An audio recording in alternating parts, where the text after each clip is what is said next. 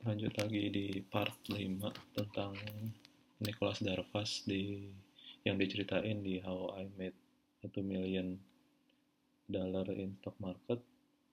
Jadi di bagian sekarang kita mau lihat bagaimana si Darvas itu kan sebenarnya penari ya, penari profesional.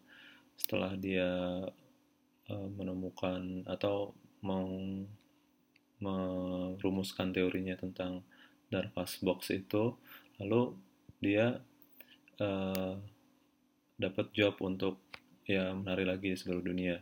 Lalu bagaimana dia bisa dapat informasinya kalau misalnya uh, dia lagi di Laos, di Singapura, di uh, India misalnya.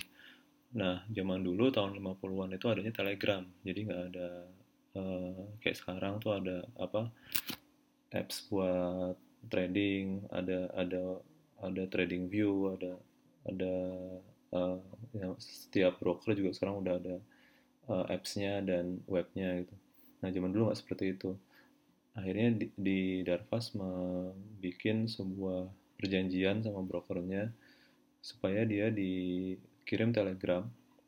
Uh, cuman ini doang apa namanya pergerakan saham harian doang dari nggak semua nggak semua emiten jadi cuma emiten-emiten yang memang Darvas pantau.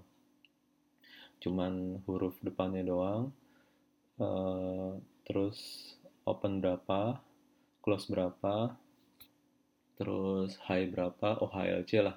Open high low close gitu. Dia udah kayak uh, candle gitu. Nah pergerakan sahamnya berapa di close nya di berapa gitu. Di awal-awal tuh cuman close berapanya doang si Darvas butuhnya.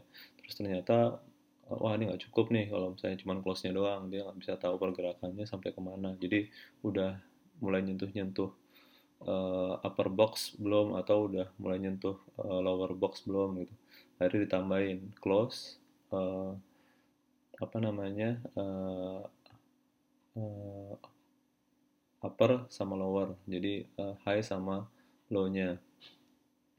Nah terus dari sana mulai tuh. Jadi kalau misalnya dia uh, ada yang menarik jadi si untuk mantau uh, berita atau fundamental Darvas pakai uh, majalah majalah mingguan. Majalah mingguan zaman dulu itu Barons ya kalau sekarang mungkin kayak kontan atau segala macam gitu ya yang cerita tentang saham ini gimana chartnya gitu. Jadi dia ngelihatnya dari dari majalah itu. Ya kalau sekarang juga bisa ngelihat di apa namanya di di web ya. Lihat pergerakan saham uh, mingguan yang menarik apa gitu. Nah dari baca di majalah itu lalu kalau misalnya ada yang menarik dia akan telegram si brokernya tolong dikirim update harian harganya. Gitu.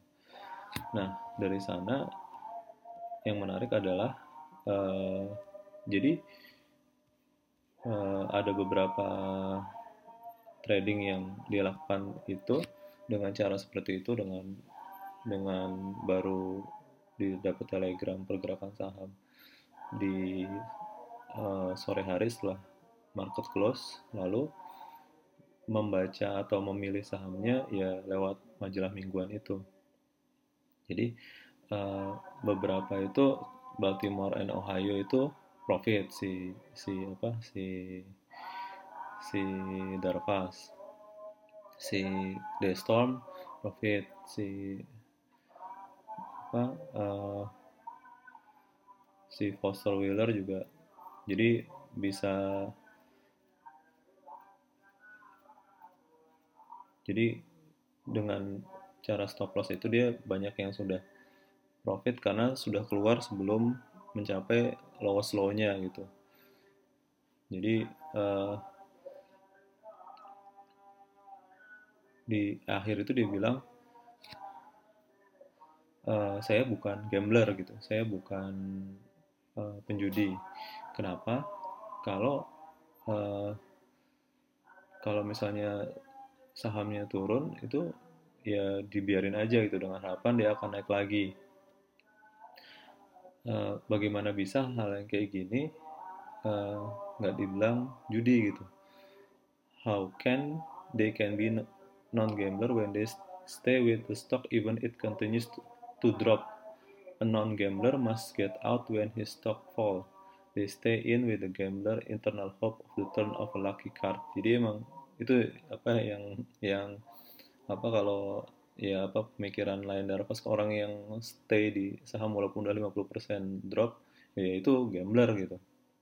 Karena dia cuma mengharapkan uh, itunya naik apa sahamnya naik uh, ke titik semula.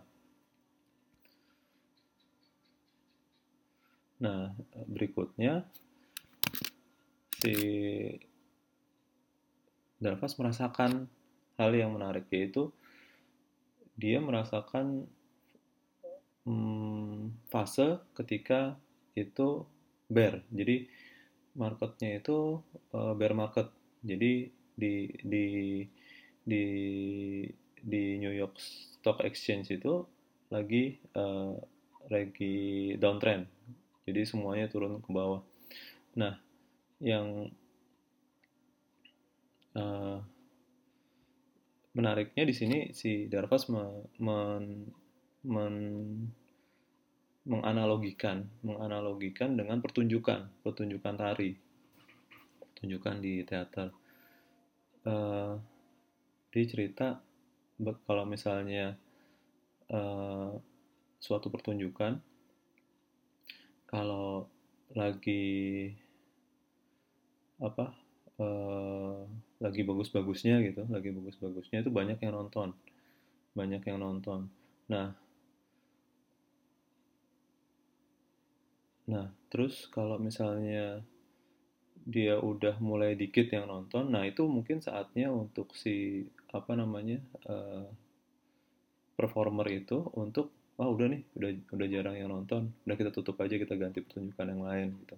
Nah itu dibandingkan sama Darvas itu ya kayak volume gitu, kayak volume. Jadi price action itu ya uh, lihat. Jadi cara penjelasan volumenya si Darvas tuh ya lihat dia karena dia penari, ya, jadi dia pakai analogi sebuah pertunjukan. Nah, uh,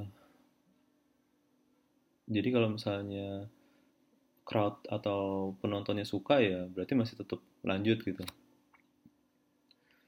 Nah, dengan uh, weekly balance yang dia pegang itu uh, majalah itu dia bisa untuk mendeteksi saham-saham mana yang uh, ketika kondisi market lagi turun. Jadi menariknya di sini. Mana nih saham-saham yang sebelum resesi itu itu uh, turunnya nggak sedalam saham-saham yang lain gitu jadi yang yang turunnya itu nggak sedalam nah ini yang pasti ketika nanti udah balik ini akan balik besar gitu. Karena emang demandnya sangat besar gitu. Nah turun itu turun untuk sesaat karena memang kondisinya lagi uh, bear market. Jadi yang uh, contohnya yang dicontohin uh, yang dicontohin Darvas itu uh, ketika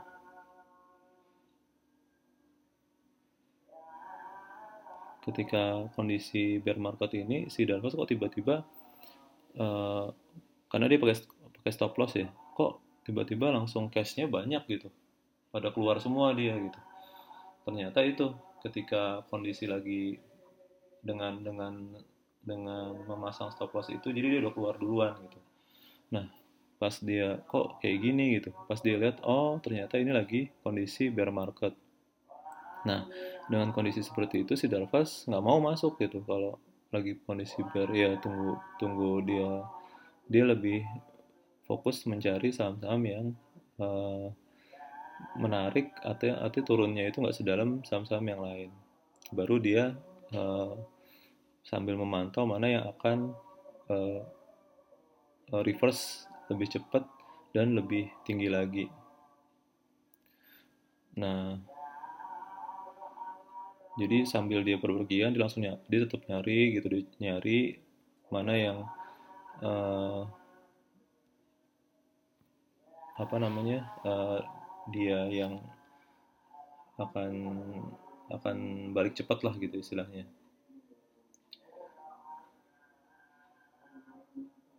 Nah, menariknya adalah dia men mencontohkan itu seperti The Battle of Waterloo gitu.